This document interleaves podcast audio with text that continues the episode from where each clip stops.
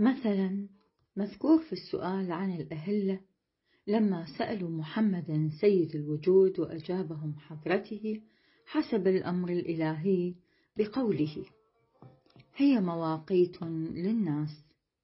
سورة البقرة. فإنهم بعد الاستماع نفوا عن حضرته صفة العلم. ومثل ذلك حدث في آية الروح التي تقول ويسألونك عن الروح قل الروح من أمر ربي. سورة الإسراء. فإنه لما ذكر لهم هذا الجواب صاحوا جميعا محتجين قائلين. وويلاه من جاهل لا يعرف ما هي الروح ويعد نفسه عالما بالعلم اللدني. واليوم حيث أن علماء العصر يفتخرون باسم حضرته وقد رأوا آباءهم مذعنين له أيضا فلذلك هم قابلون لحكمه بالتقليد. وأنصفوا لو أنهم يسمعون اليوم مثل هذا الجواب في الإجابة عن أمثال هذه المسائل فإنهم لا بد يردون ويعترضون ويعيدون نفس كلمات السابقين كما فعلوا. مع أن جواهر الوجود هؤلاء مقدسون. عن كل هذه العلوم المجعولة ومنزهون عن جميع هذه الكلمات المحدودة ومتعالون عن إدراك كل مدرك. كل هذه العلوم تلقاء ذاك العلم كذب صرف وجميع هذه الإدراكات إفك محض بل إن كل ما يظهر من معادن الحكمة الإلهية ومخازن العلم الصمداني فهو عين العلم. وحديث العلم نقطة كثرها الجاهلون دليل عليه. وحديث العلم نور يقذفه الله في قلب من يشاء. مثبت لهذا البيان. وخلاصة القول إنه لما لم يدركوا معنى العلم وسموا أفكارهم الوهمية الناشئة من مظاهر الجهل علما. لذا قد ورد منهم على مبدأ العلوم ما قد رأيت وسمعت. فمثلا إن أحدا من العباد المشهور بالعلم والفضل حاجي ميرزا كريم خان والذي يعد نفسه من صناديد القوم. قد رد وسب جميع العلماء الراشدين في كتابه كما هو مشهود في كل موقع منه تلويحا وتصريحا. ولما كان هذا العبد قد سمع كثيرا عن ذكره أردت أن أتصفح قليلا في رسائله رغم أن هذا العبد ما كان له ميل للإقبال على النظر في كلمات الغير ولن يكون. إلا أنه لما سأل جمع عن أحواله واستفسروا عنه لهذا صار لزاما علينا أن ننظر قليلا في كتبه ونجيب السائلين بعد الاطلاع والمعرفة. والخلاصة أن مؤلفاته باللغة العربية لم يتفق وقوعها في يدنا. حتى أخبرنا شخص ذات يوم بأنه يوجد في هذا البلد كتاب له. يسمى بإرشاد العوام. ولو أنه يشتم من هذا الاسم رائحة الكبر والغرور حيث فرض نفسه عالما والناس جهلاء. وفي الحقيقة قد عرفت جميع مراتبه من اسم هذا الكتاب وثبت بأنه سالك سبيل النفس والهوى وسالك في تيه الجهل والعمى كأنه نسي الحديث المشهور القائل العلم تمام المعلوم والقدرة والعزة تمام الخلق. فمع هذا طلبنا الكتاب ومكث عند هذا العبد أياما معدودات وكأننا نظرنا فيه مرتين. وتصادف في المرة الثانية أن وقع نظرنا على موضع فيه حكاية معراج سيدي لولاك. إشارة إلى الحديث لولاك لما خلقت الأفلاك. فلاحظنا إنه دون نحو من عشرين علما أو يزيد وجعلها شرطا لمعرفة المعراج. وكذلك عرفنا منه بأنه لو كانت نفس لا تدرك هذه العلوم حق إدراكها فإنها لا تفوز بمعرفة هذا الأمر العالي المتعالي. ومن جملة العلوم التي ذكرها علم الفلسفة وعلم الكيمياء وعلم السيمياء. وجعل إدراك هذه العلوم الفانية المردودة شرطا لإدراك العلوم الباقية القدسية. سبحان الله مع هذا الإدراك كم من الاعتراضات والتهم قد وردت منه على هياكل العلم الإلهي غير المتناهي. فنعم ما قال أتتهم الذين جعلهم الله أمناء على خزائن السبع الطباق؟ ترجمة بيتين من الشعر. ولم يلتفت إلى هذه المزخرفات من الأقوال أحد من أهل البصيرة. إن أمثال هذه العلوم لم تزل ولا تزال مردودة عند الحق. وكيف يكون إدراك العلوم المردودة عند العلماء؟ الحقيقيين شرطا من شروط إدراك معارج المعراج. مع أن صاحب المعراج ما حمل حرفا من هذه العلوم المحدودة المحجوبة والقلب المنير. قلب سيد لولاك. كان مقدسا ومنزها عن جميع هذه الإشارات فنعم ما قال كل الإدراكات محمولة على الحمر العرجاء. بينما الحق راكب على الريح ومنطلق كالسهم. ترجمة بيتين من الشعر. فوالله لو يريد إنسان إدراك سر المعراج أو تناول قطرة من عرفان هذا البحر ويكون لديه أيضا هذه العلوم بمعنى أن مرآة قلبه تكون مغبرة من نقوش هذه العلوم يجب عليه حتما أن ينظفها ويطهرها حتى يتجلى سر هذا الأمر في مرآة قلبه. واليوم ينهى الناس عن تحصيل هذه العلوم المنغمسون في بحر العلوم الصمدانية والساكنون في فلك الحكمة الربانية فصدورهم المنيرة بحمد الله منزهة عن هذه الإشارات ومقدسة عن تلك الحجبات. ولقد حرقنا الحجاب الأكبر بنار محبة المحجوب. ذاك الحجاب الذي قيل فيه العلم حجاب الأكبر وأقمنا مكانه سرادقا آخر. وبهذا نفتخر ولله الحمد بأننا أحرقنا سبحات الجلال بنار جمال المحبوب. ولم نترك في القلب والفؤاد محلا لغير المقصود. وما كنا متمسكين بعلم غير علمه ولا متشبثين بمعلوم غير تجلي أنواره. والخلاصة إني تعجبت كثيرا حيث لم أرى في أقواله هذا إلا أنه يريد أن يعرف الناس بأن لديه جميع هذه العلوم.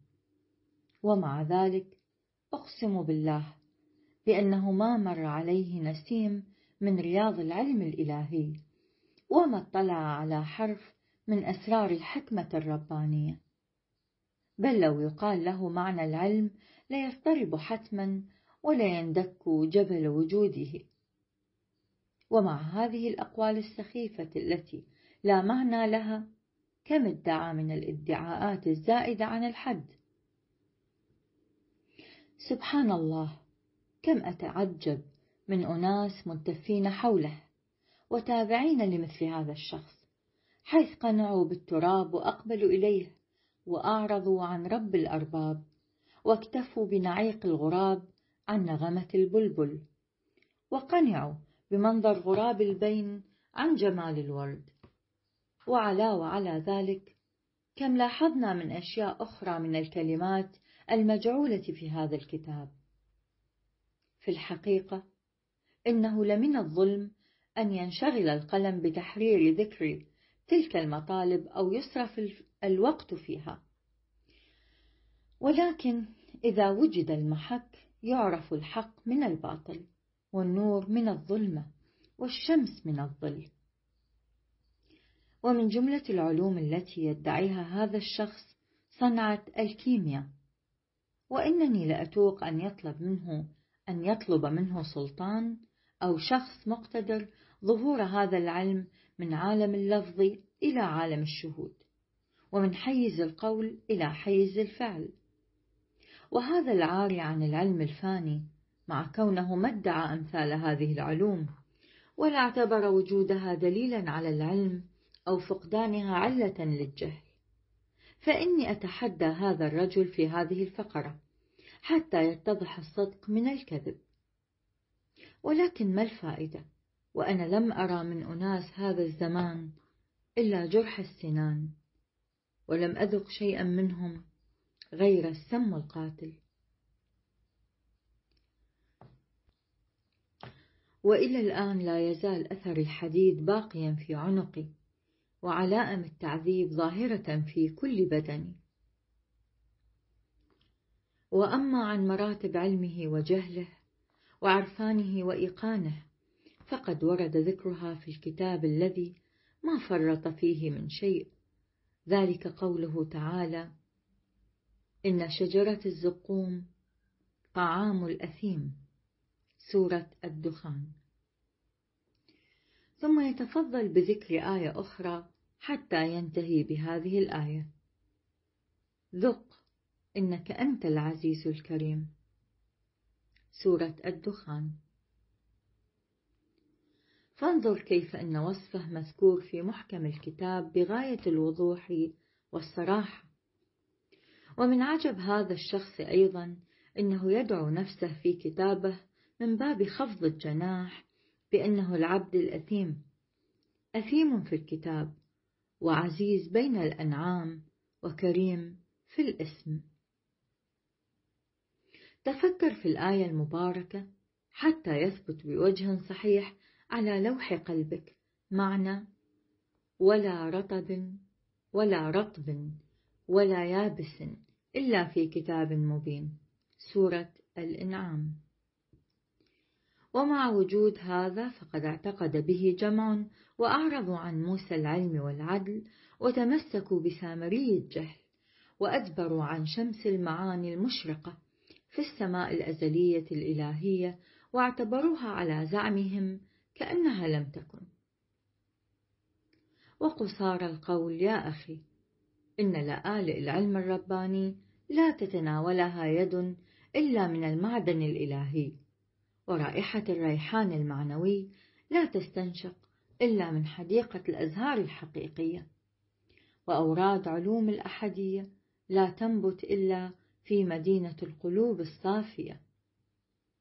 والبلد الطيب يخرج نباته بإذن ربه والذي خبث لا يخرج إلا نكدا نكدا. سورة الأعراف.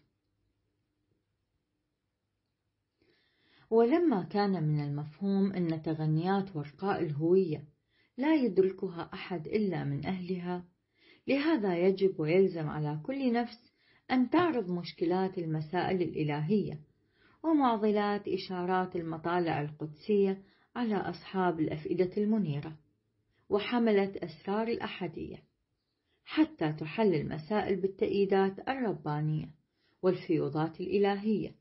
لا بتأييدات العلوم الاكتسابية. فاسألوا أهل الذكر إن كنتم لا تعلمون. سورة النحل. ولكن يا أخي إن الشخص المجاهد الذي أراد أن يخطو بقدم الطلب والسلوك في سبيل معرفة سلطان القدم يجب عليه في بداية الأمر أن يجعل القلب الذي هو محل ظهور تجلي الأسرار الغيبية الإلهية مطهرا ومنزها عن كل غبرة مظلمة من غبار العلوم الاكتسابية وإشارات المظاهر الشيطانية. ويجعل الصدر الذي هو سرير ورود وجلوس محبة المحبوب الأزلي لطيفا ونظيفا. وكذلك يقدس القلب عن كل ما يتعلق بالماء والطين. يعني أن يجعله مقدسا عن جميع النقوش الشبحية والصور الظلية بدرجة لا يبقى في القلب آثار للحب والبغض كي لا يميل به الحب عن جهة أو يمنعه البغض عن جهة بلا دليل. وذلك كما منع اليوم أكثر الناس لهذين الوجهين عن الوجه الباقي. وعن حضرة صاحب المعاني وأصبحوا يرتعون بلا راع في صحارى الضلالة والنسيان. ويجب على السالك في كل حين أن يتوكل على الحق وأن يعرض عن الخلق وينقطع عن عالم التراب ويتمسك برب الأرباب. ولا يرجح نفسه على أحد ويمحو عن لوح قلبه الإفتخار والاستكبار. ويأخذ نفسه بالصبر والاصطبار ويتخذ الصمت له شعارا ويحترز عن التكلم بما لا فائدة فيه. لأن اللسان نار خامدة وكثرة البيان سم قاتل. فالنار الظاهرة تحرق الأجساد ونار اللسان تكوي الأفئدة والأرواح. أثر تلك النار يفنى بعد ساعة وأثر هذه النار يبقى قرنا من الزمان. وعلى السالك أن يعد الغيبة الغيبة ضلالة. وأن لا يخطو بقدمه أبدا في تلك الساحة لأن الغيبة تطفئ سراج القلب المنير وتميت الحياة من الفؤاد. يقنع بالقليل ويزهد عن طلب الكثير. يعد مصاحبة المنقطعين غنيمة والعزلة عن المتمسكين بالدنيا والمتكبرين نعمة. يشتغل في الأسحار بالأذكار ويسعى في طلب محبوبه بتمام الهمة والاقتدار. يحرق حجاب الغفلة بنار الحب والذكر. يفر كالبرق عما سوى الله. يجود بنصيب على البائسين ولا يتوقف عن العطاء والإحسان للمحرومين. ينظر بعين الرعاية للحيوان فكيف بالإنسان وأهل البيان؟ لا يبخل بالروح عن المحبوب ولا يحترز عن الحق خشية شماتة الخلق. وما لا يرضاه لنفسه لا يرتضيه لغيره ولا يقول بما لا يفي به. ويعفو عن الخاطئين عند كمال القدرة عليهم. ويطلب لهم المغفرة ويصفح عن العاصين ولا ينظر إليهم بعين الحقارة لأن حسن الخاتمة مجهول. إذ كم من عاص يتوفق حين الموت إلى جوهر الإيمان ويذوق خمرة البقاء ويسرع إلى الملأ الأعلى. وكم من مطيع ومؤمن ينقلب حين التقاء الروح ويستقر في أسفل دركات النيران.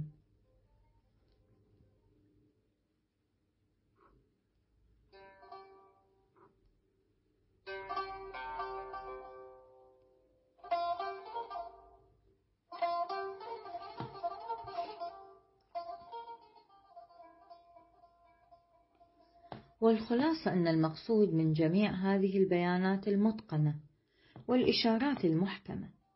هو أنه يجب على السالك والطالب أن يعلم ويعتقد بأن ما سوى الله فان وما دون المعبود معدوم.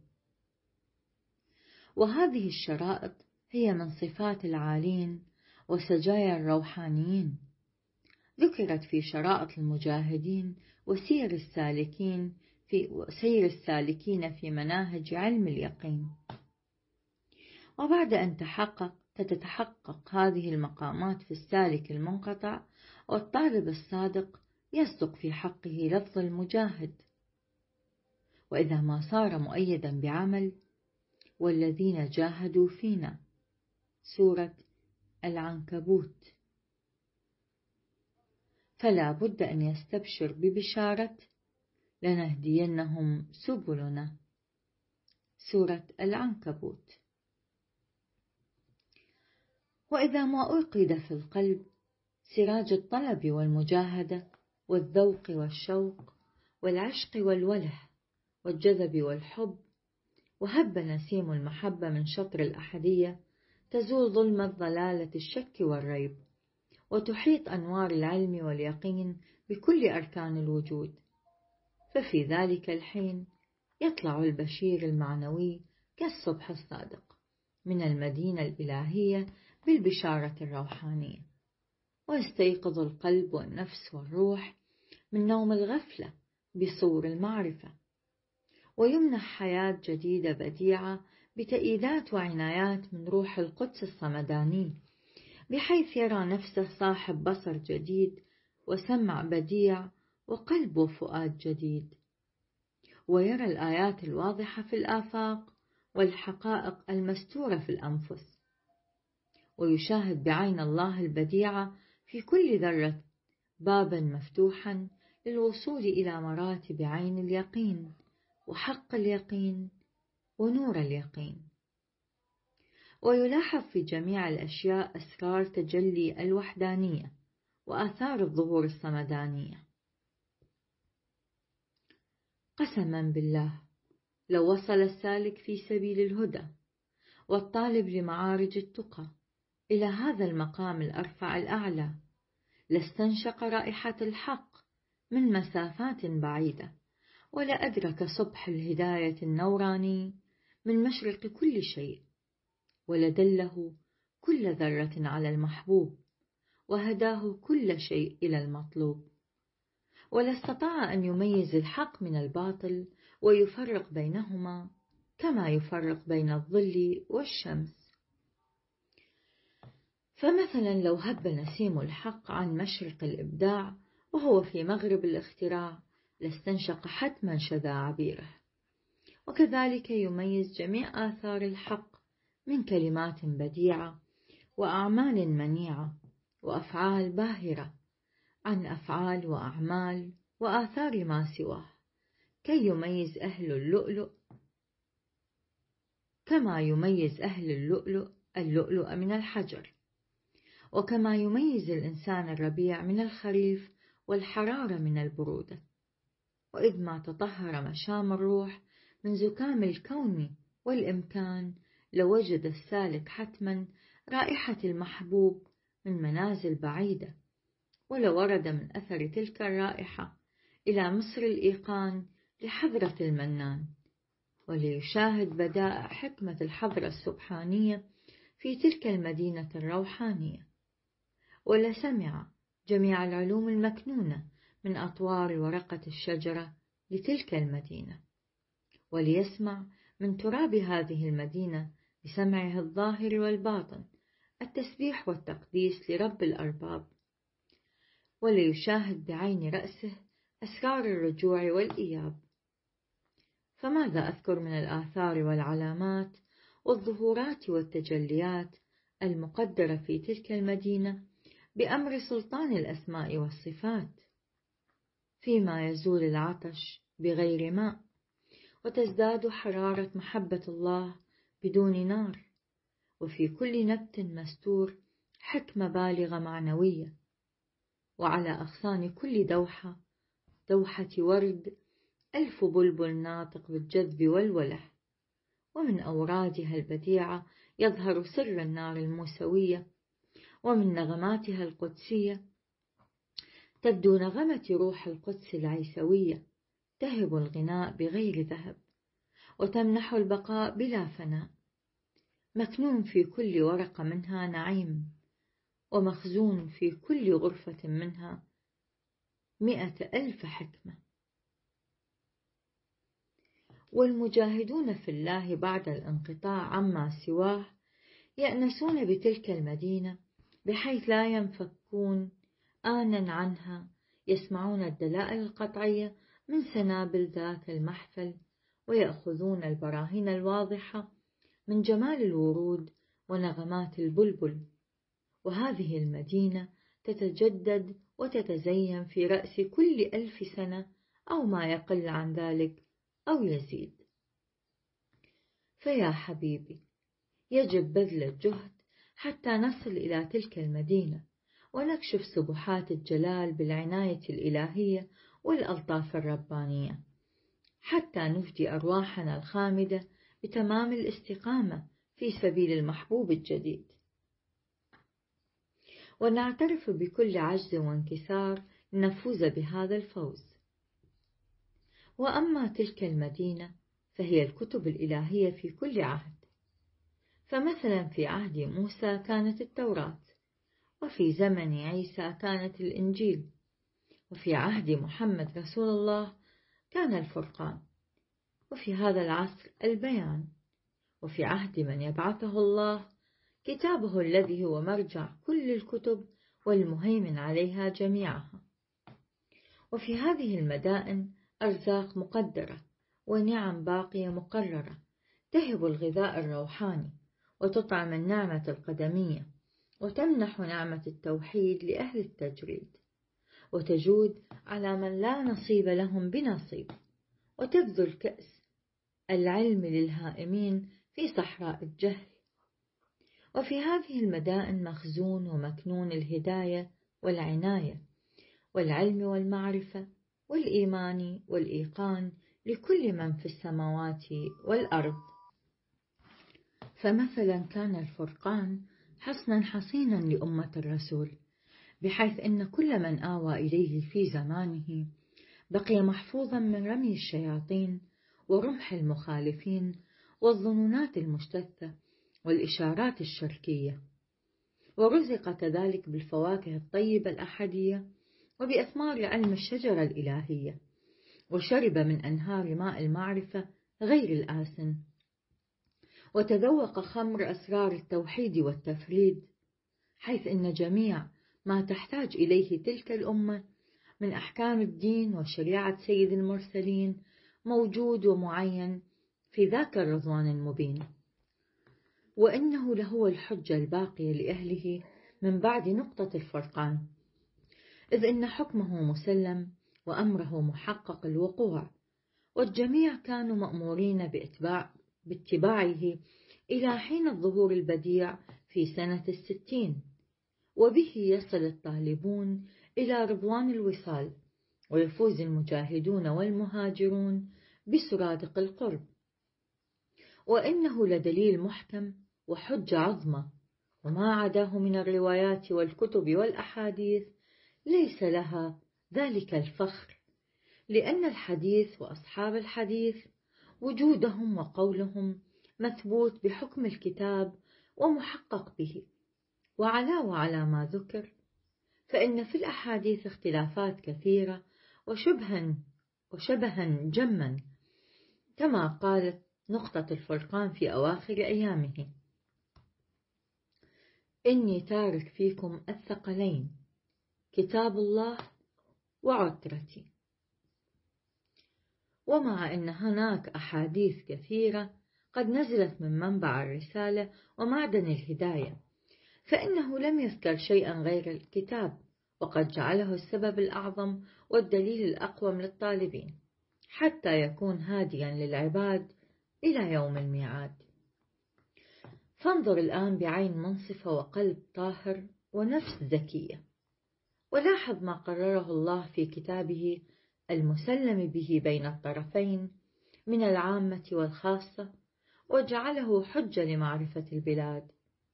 فينبغي لهذا العبد ولجنابك ولكل من على الأرض أن نتمسك بنوره ونميز الحق من الباطل ونفرق بين الضلال وال... ونفرق بين الضلالة والهداية لأن الحجة انحصرت بأمرين أحدهما الكتاب وثانيهما عترته ولما انقطعت العترة من بينهم انحصرت الحجة حينئذ في الكتاب. وفي أول الكتاب يقول ألف لام ميم ذلك الكتاب لا ريب فيه هدى للمتقين. سورة البقرة. ففي الحروف المقطعة من الفرقان مستورة أسرار الهوية.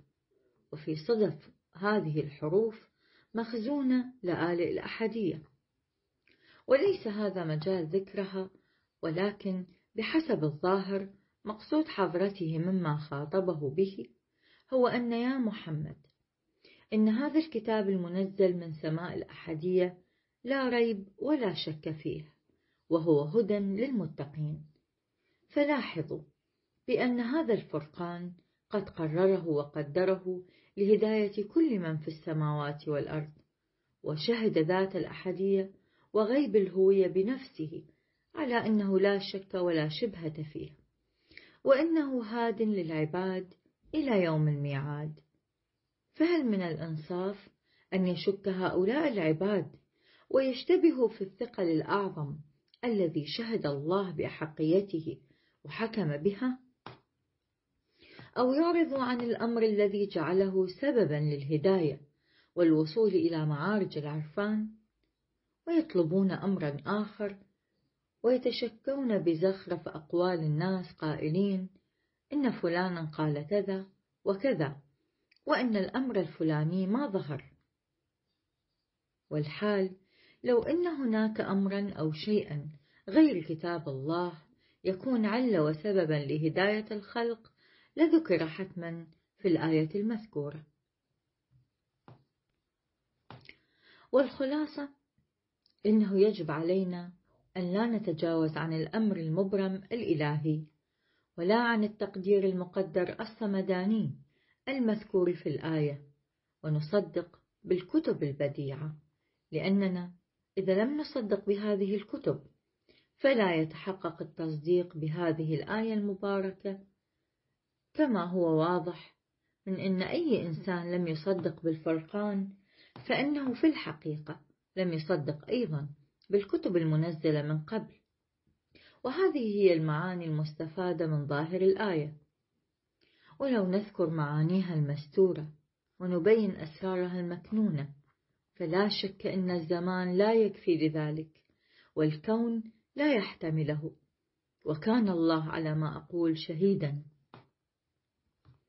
وكذلك يقول في مقام آخر وإن كنتم في ريب مما نزلنا على عبدنا فأتوا بسورة من مثله وادعوا شهداءكم من دون الله إن كنتم صادقين. سورة البقرة. مما ترجمته الظاهرة إنه لو كنتم في شك وشبهة مما نزلنا على عبدنا محمد فأتوا بسورة من مثل هذه السورة المنزلة. وادعوا شهداءكم أي علمائكم حتى يعينوكم على إنزال سورة إن كنتم صادقين. فانظر الآن كم هو عظيم شأن الآيات وكبير قدرها حيث قد ختم بها الحجة البالغة والبرهان الكامل والقدرة القاهرة والمشيئة النافذة. وما أشرك سلطان الأحدية في إظهار حجته أي شيء معها لأن الآيات بين الحجج والدلائل هي بمنزلة الشمس وما سواها بمنزلة النجوم.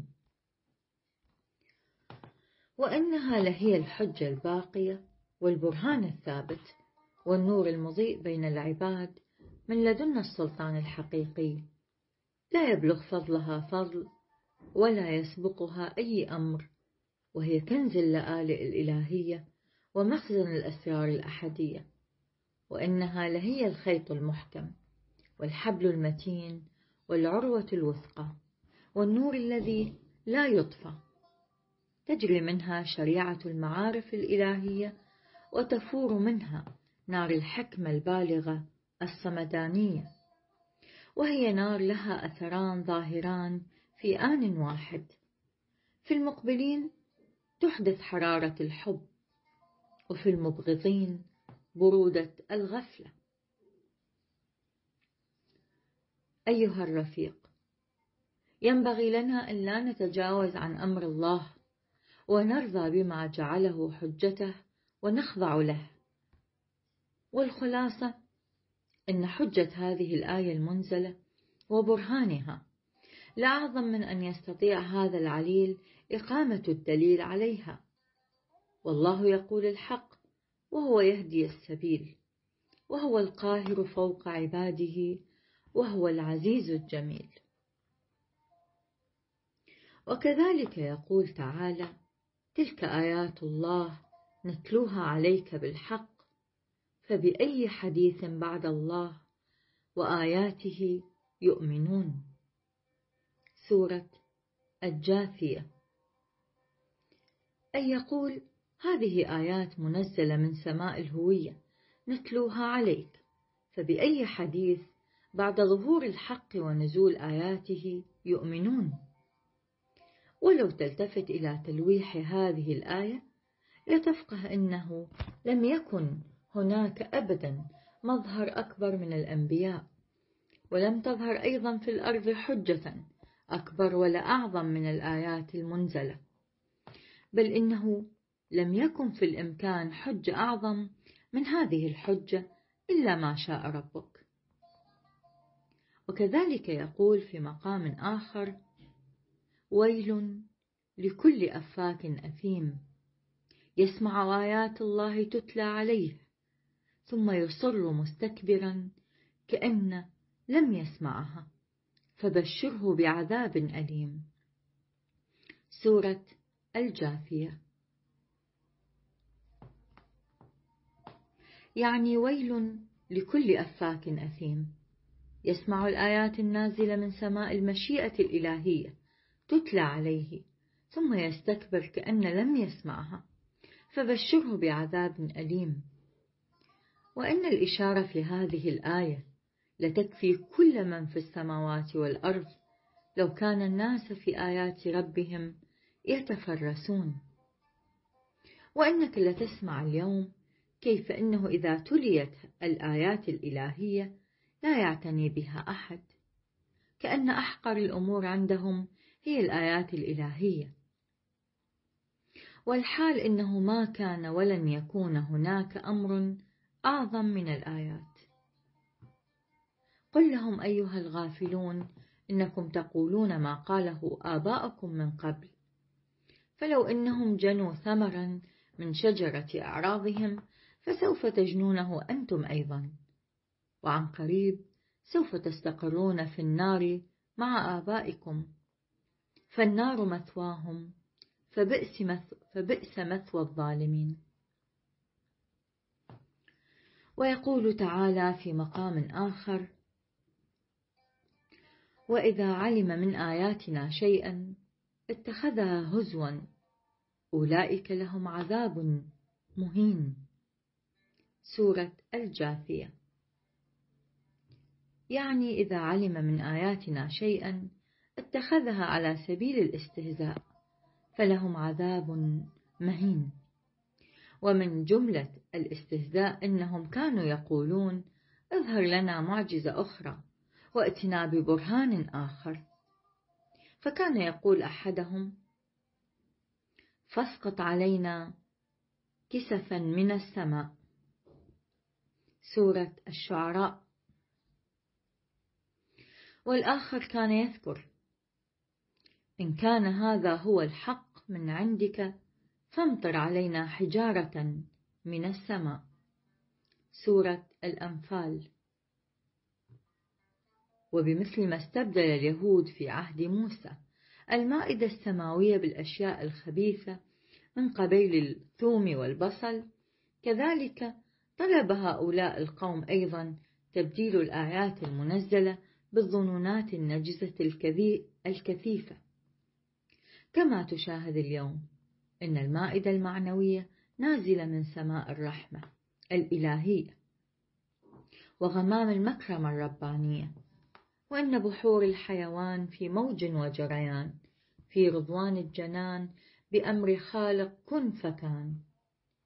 والجميع مجتمعون كالكلاب على الأجساد الميتة وقانعون بالبركة المالحة التي هي ملح أجاج. سبحان الله. إننا لفي غاية الحيرة من عباد يطلبون الدليل بعد ارتفاع أعلام المدلول. ويتمسكون بإشارات العلم بعد ظهور شمس المعلوم.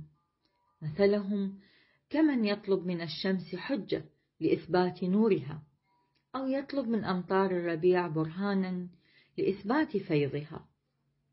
فحجة الشمس نورها الذي أشرق وأحاط العالم وبرهان الربيع جوده الذي جدد العالم برداء جديد. على أن الأعمى لا يعرف للشمس أثرا غير حرارتها. والأرض الجرز ليس لها نصيب من رحمة الربيع.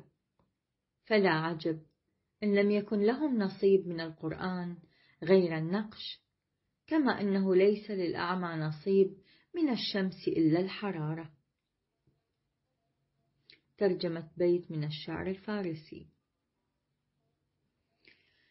وفي مقام آخر يقول وإذا تتلى عليهم آياتنا بينات ما كان حجتهم إلا أن قالوا ائتوا بآبائنا إن كنتم صادقين.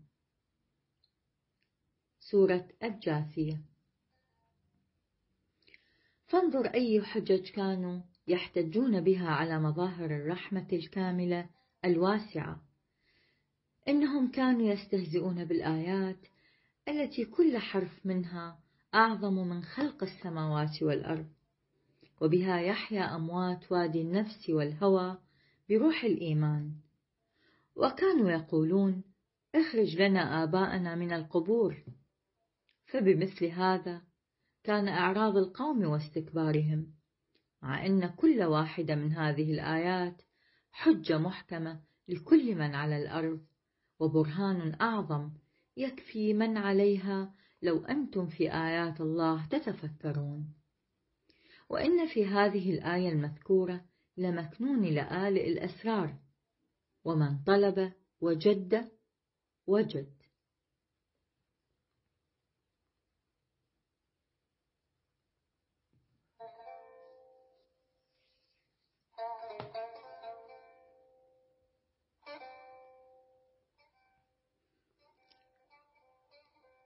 إياك والإصغاء إلى زخرف أقوال العباد الذين يدعون بأن الكتاب والآيات ليس بحجة للعوام لأنهم لا يفهمونها ولا يدركونها مع أن هذا القرآن حجة لأهل المشرق والمغرب.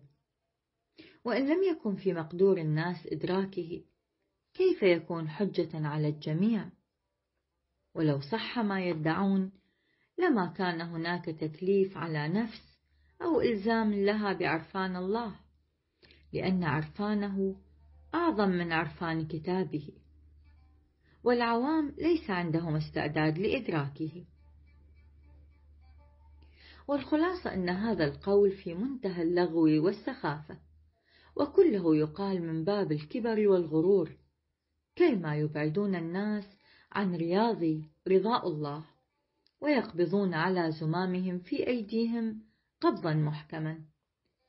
مع أن هؤلاء العوام أكثر قبولا ورضاء لدى الحق من علمائهم الذين أعرضوا عنه.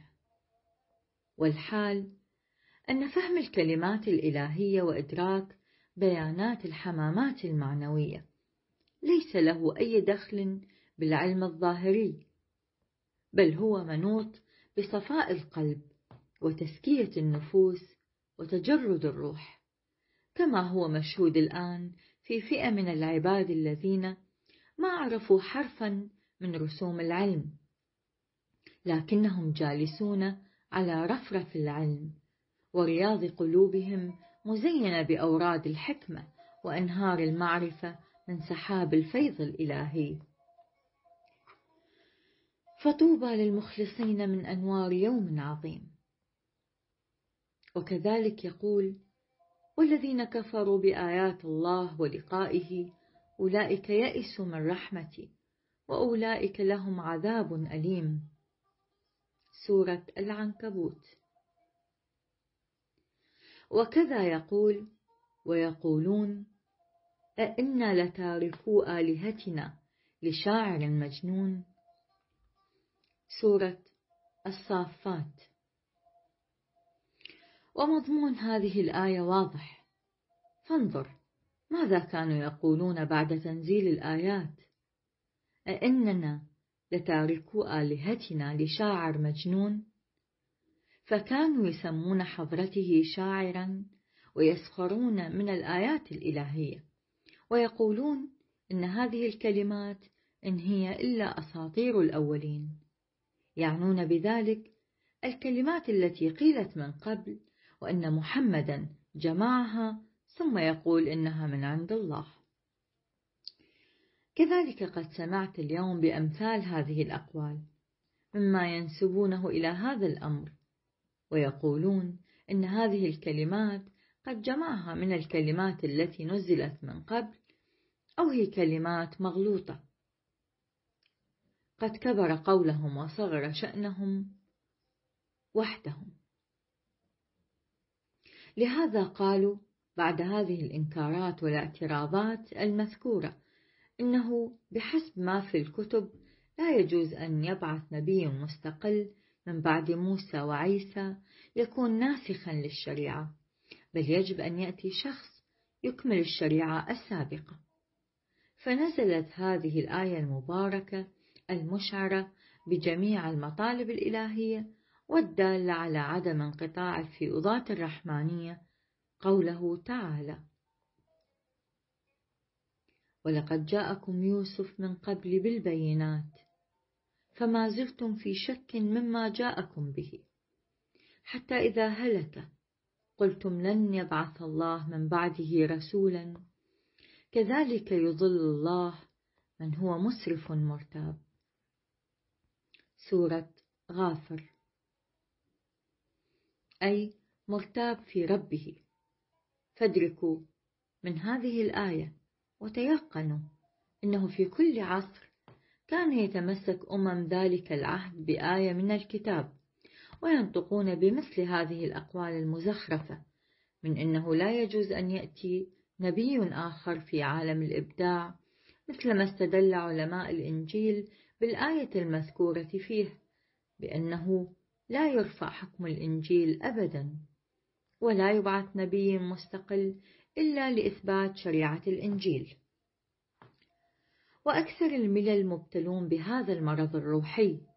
كما ترى كيف أن أهل الفرقان قد احتجبوا بذكر خاتم النبيين على مثال الأمم السابقة مع أنهم مقرون بقوله وما يعلم تأويله إلا الله والراسخون في العلم. سورة آل عمران. ولما يبين الراسخ في العلم وأمها ونفسها وذاتها وجوهرها بيانا فيه مخالفة قليلة لأهوائهم فإنك تسمع ماذا يقولون وماذا يفعلون. وما هذا إلا من رؤساء الناس في الدين. يعني من أولئك الذين ما اتخذوا لهم إلها إلا الهوى ولا عرفوا لهم مذهبا غير الذهب واحتجبوا بحجبات العلم وتاهوا في ضلالة كما يقول رب الأنام بتصريح تام. أفرأيت من اتخذ إلهه هواه؟ وأظله الله على علم وختم على سمعه وقلبه وجعل على بصره غشاوة فمن يهديه من بعد الله؟ أفلا تذكرون؟ سورة الجاثية. يعني أما رأيت ذاك الكاء الغافل الذي اتخذ إلهه أهواء نفسه وأظله الله على علم وختم على سمعه وقلبه وجعل على بصره غشاوة فمن يهديه من بعد الله؟ أفلا تذكرون؟ أما معنى وأظله الله على علم فإنه وإن كان في الظاهر كما ذكر ولكن عند هذا الفاني المقصود من هذه الآية هم علماء العصر الذين أعرضوا عن جمال الحق وتمسكوا بعلومهم المنبعثة من النفس والهوى واحتجوا على نبأ الله وأمره. قل هو نبأ عظيم أنتم عنه معرضون. وكذلك يقول وإذا تتلى عليهم آياتنا بينات قالوا ما هذا إلا رجل يريد أن يصدق يصدكم عما كان يعبد آباؤكم. وقالوا ما هذا إلا إفك مفترى. سورة سبأ. والحق يقول وإذا تتلى الآيات القدسية الأحدية عليهم يعني أولئك الكفر الفجرة يقول أولئك المشركون الغافلين عن الحق ما هذا رسول من عند الله؟ إنما هو رجل يريد أن يمنعكم عما كان يعبده آباؤكم. وقالوا ما هذا إلا كذب مفترى. فاسمع النداء القدسي الإلهي واللحن المليح الصمداني. كيف إنه بالتلويح قد أنذر المكذبين بالآيات وتبرأ عن المنكرين للكلمات القدسية. ولاحظ بعد الناس عن كوثر القرب وإعراض أولئك المحرومين واستكبارهم على ذلك الجمال القدسي مع أن ذاك الجوهر جوهر اللطف والكرم قد كان يهدي هياكل العدم إلى ساحة القدم ويدل أولئك الفقراء الحقيقيين إلى شريعة الغنى القدسية. ومع ذلك كان يقول بعضهم هذا رجل مفتر على رب العالمين. وبعضهم يقول هذا يمنع الناس عن شريعة الدين والإيمان. والآخرون ينسبون إليه الجنون وأمثال ذلك.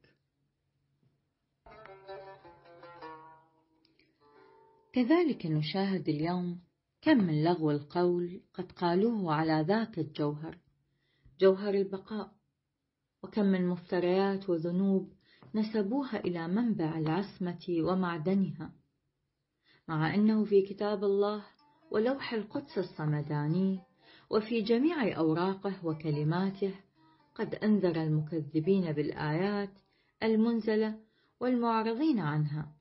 وبشر المقبلين إليها.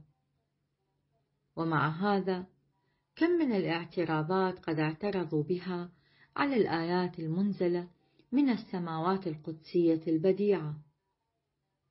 والحال إن عين الإمكان ما رأت مثل هذا الفضل وقوة سمع الأكوان ما سمعت بمثل هذه العناية. إذ إن الآيات كانت جارية ونازلة من غمام الرحمة الرحمانية بمثابة غيث الربيع لأن الأنبياء من أولي العزم الذين عظمة قدرهم ورفعة مقامهم واضحة ولائحة كالشمس. يفتخر كل واحد منهم بكتاب مشهود متداول بين الأيدي. آياته محصية بينما قد نزلت الآيات من هذا الغمام الرحمانية على قدر لم يحصها أحد للآن. حيث إن المتداول منها في اليد إلى الآن نحو عشرين مجلدا. وكم منها لم تصل إليه الأيدي؟ وكم منها أيضا قد نهب وسلب ووقع بأيدي المشركين؟ ولا يعلم ما فعلوا به. فيا أخي ينبغي التأمل والتفكر والالتجاء إلى المظاهر الإلهية. لعلنا نتعظ من المواعظ الواضحة في الكتاب. ونتنبه من النصائح المذكورة في الألواح. ولا نعترض على منزل الآيات. ونستسلم لأمره بالروح. ونقبل حكمه بكل روح وريحان. ونذعن له. لعل نرد في فضاء الرحمة. ونسكن في شاطئ الفضل. وإنه بعباده لغفور رحيم.